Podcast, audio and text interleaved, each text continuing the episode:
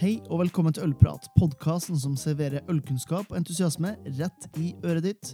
Mitt navn er Nidar, er The Bear Guy i Bear Enthusiast, og i dag skal jeg snakke om en av de eldste mat- og drikketradisjonene vi har her til lands, nemlig juleøl. For betegnelsen jul skriver seg helt tilbake i førkristen tid. Eh, en hedensk fest som ble feira rundt denne eh, tida i november-desember, nemlig jol. Eh, på denne tida så dro man fram den beste maten og ikke minst den beste drikken. Og det her med ølbrygging var en av de mest høytidelige juleforberedelsene man kunne gjøre. Går man til år 900, så skildrer den norske skalden, altså en norrøn historieforteller, Torbjørn Hornkloves, julefortellinga i sitt hyllingsdikt Haraldskvedet. Uti vil jol drekka, som kan tolkes til ut på havet vil han, kongen, drikke jul. Så med andre ord var betegnelsen jul som en del av folkesjela, og det sto faktisk såpass sterkt at når kristninga kom til Norge, så besto dette begrepet, og man tok ikke den kristne versjonen, om man kan si det på den måten, kristmesse. Eller Christmas, da, som de sier på, på Sørlandet. Det her med å drikke jol innebar jo offerdrikke, rett og slett. Å drikke Odins skål for seier makt til kongen. Kanskje Frøyas skål for godt år og fred. Det var viktige skikker, og det har levd videre i kristentida. De var litt smart, de her kristenfolket, for de skjønte nemlig at det her kom til å bli noe som var vanskelig å få folk ifra. Og de laga dermed regler i form av Frostatingsloven, etter hvert Gulatingsloven, som tok for seg de her skikkene som allerede var her til lands, men gjorde dem kristelige. Ja, rett og slett for at folk nekta å gi avkall på de tradisjonene som de hadde. Som sagt, skulle ikke anse det som en offerdrikk lenger, men ifølge Gulatingsloven skulle ølet signes på julenatta av både husbond og husfrue, som en takk fra Kristi og Sankta Maria til godt år og fred.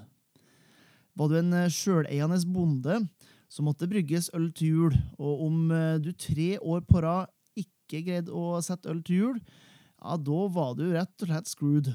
Da måtte du bare gi fra deg, gi fra deg gården, all eiendommen, og du måtte flykte fra landet. Og denne gården ble da selvfølgelig delt mellom kongen og biskopen.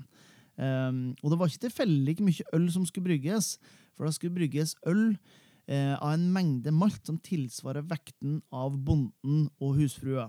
Um, ja, altså Det vil jo si da at hvis man på datida var litt lettere i buken enn man er i dag, um, så kan man regne rundt 100 og la oss si mellom 150 og 200 kilo med kønn.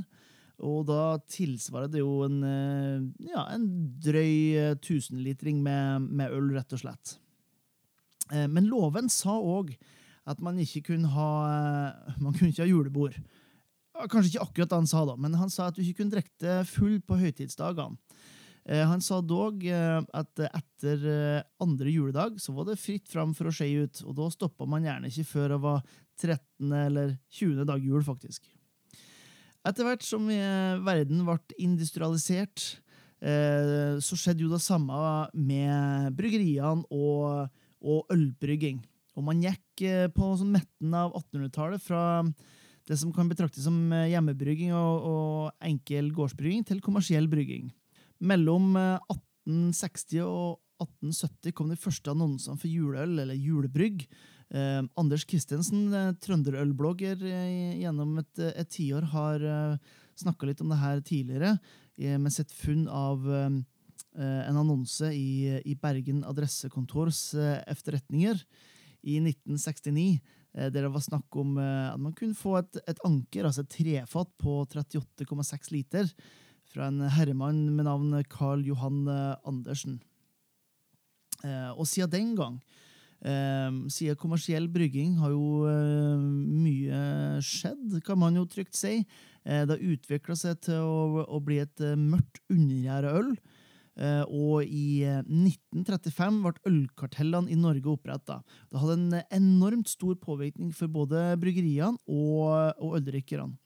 Bryggeriene ble nemlig begrenset i forhold til hvilket geografisk område de kunne selge til. Eh, og eh, etter hvert fikk man òg en felles lansering av juleøl over hele landet. Det ble eh, kun solgt mellom den 29. november og 15. januar. Man hadde samme type øl og samme pris. Innimellom slagene ble det jo òg en verdenskrig nummer to. Og det satte en ganske stor stopper for bryggingen av juleøl, som gjerne var sterkere og mer smaksintenst enn det vanlige ølet. Eh, men selvfølgelig, under en krig så er det mye begrensninger, og det var òg begrensninger på hvor mye korn man kunne bruke. Etter eh, krigen så tok det faktisk nesten, eh, nesten ti år før juleølet ble eh, brygga igjen etter krigen. Eh, rett og slett fordi det ble ansett som eh, ja, en form for sløsing av råvarer. Ølkartellene ble etter hvert oppløst. Og eh, en, nærmest en tragedie var det jo når Vinmonopolet i, i 1993 fikk ansvar for å selge eh, sterkøl. Det som skjedde da, var at eh, salget på, uh, på juleøl eh, falt en tjuendedel av det det hadde vært. og det gikk man jo selvfølgelig um, over til et system der juleølet, juleølet ble brygga opp mot de 7% som var lov da, og så fikk man òg et alkoholsvakt juleøl i butikkstyrke. Etter hvert fikk man òg en uh, fjerning av en uh, maksgrense på 7 i, i alkohol i, i norskprodusert øl. og ikke minst, når man kommer inn på, på 2000-tallet, så kom mikrobryggeriene inn på banen. Og de har jo sine tolkninger, sine ideer, sine uttrykksformer når det kommer til, til det her med juleøl. Eh, og der man kanskje tidligere har tenkt på alkoholsterke, mørke, undergjæra øl som tradisjonelle juleøl, så har mikrobryggeriene vært mye mer eksperimentelle. Um, nesten eneste fellesnevner jeg kan si, er at de ofte er overgjæra og alkoholsterke. Men ut det, altså utover det, så er det en stor variasjon på farge, aroma og smak. Man bruker krydder, man bruker tilsetninger, man bruker Eh, alt fra laktose til kanel eh, har jeg sett blitt brukt i, i, øl og i juleøl. Og med 286 juleøl som blir lansert på Vinmonopolet, så er det mye å velge mellom. Og det er akkurat de her to, med den konteksten med historien som vi har, som daterer seg langt, langt tilbake i tid, at man ender opp eh, med det som er juleøl i dag. Og da tenker jeg det er det to forskjellige stilarter man tenker på. Det er de tradisjonelle norske juleølene som uh, man finner gjerne fra de litt større bryggeriene, som har uh, gjennom år perfeksjonert det her med å lage mørke, alkoholsterke og undergjæra øl. Uh, et tradisjonelt juleøl har ofte preg av karamell, litt toffee, kanskje lett preg av svisker, rosiner, nøtter og den typen ting. Eh, veldig eh, forfriskende. Gjerne tørt i finish, sånn at man har lyst til å ta en, en slurk til. Jeg syns det her er kanskje de ølene som passer definitivt best til julematen i Norge. Og det gjør de rett og slett fordi at de er såpass rene i smakene, såpass eh, balanserte. Og jeg tenker det er ikke en tilfeldighet at man eh, nesten hvert eneste år ser uh, Ringnes helt, helt på topp med sitt juleøl i juleøltestene, uansett uh, hvilken klasse de, uh, de konkurrerer mot, om det er mikrobrygga eller ikke, så, så er det en, noe med de her tradisjonelle norske juleølene som er fantastisk godt når man kommer til, til jul. Men det betyr jo ikke at man skal ignorere ting som mikrobrygga, mer moderne juleøl, som jeg gjerne vil kalle det. Der man har fantastisk mye eksperimentering med tilsetninger, med ja, rett og slett bare tanker bak ølene. Um, der du ser ting som uh, ja, rett og slett pepperkakeøl.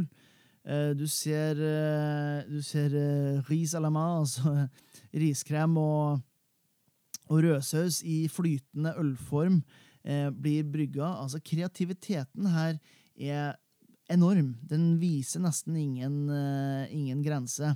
Uh, som i mine øyne også kan være en liten killer for de moderne juleølene. For at eh, de blir av og til så smaksintense, så eksperimentelle, at de fordrer ikke til en slurk til.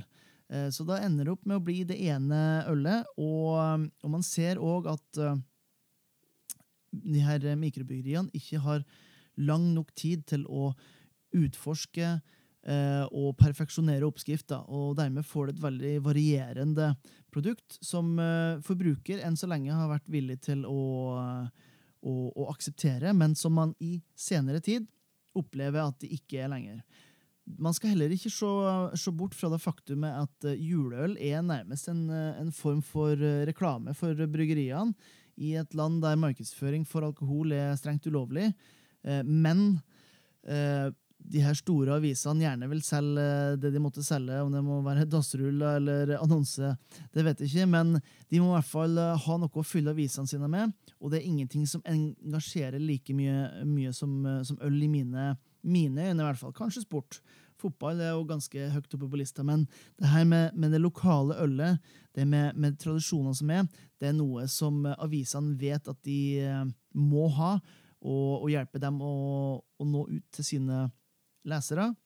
På samme måte som bryggeriene vet at de er nødt til å ha i hvert fall et juleøl, helst en eh, to, tre, fire, for å henge med i testene. Det er faktisk den eneste gangen i året der avisene virker seg å bry seg litt mer enn det vanlige eh, for, for, øl.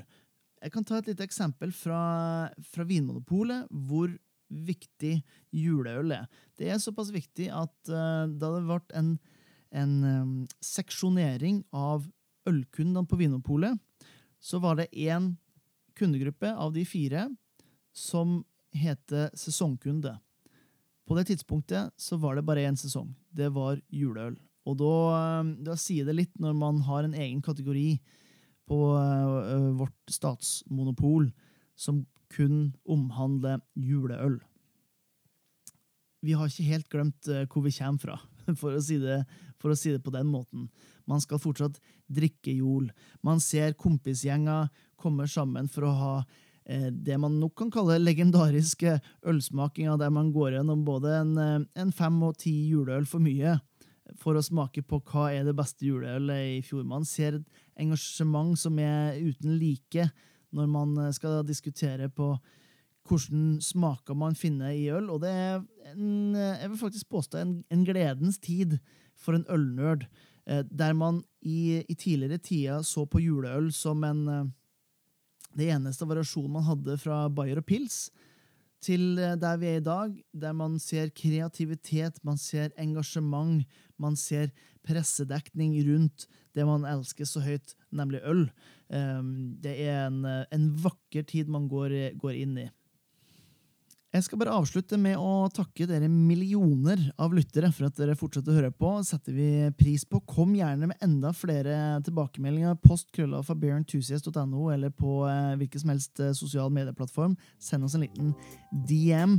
Og så ikke minst Husk på å dele her med en eh, ølglad kjenning som du har, fordi at jo flere vi er, jo gladere vi blir. Det er vel en, et julekved som går på cirka det viset der. Så får dere huske til neste gang at gode folk fortjener godt øl.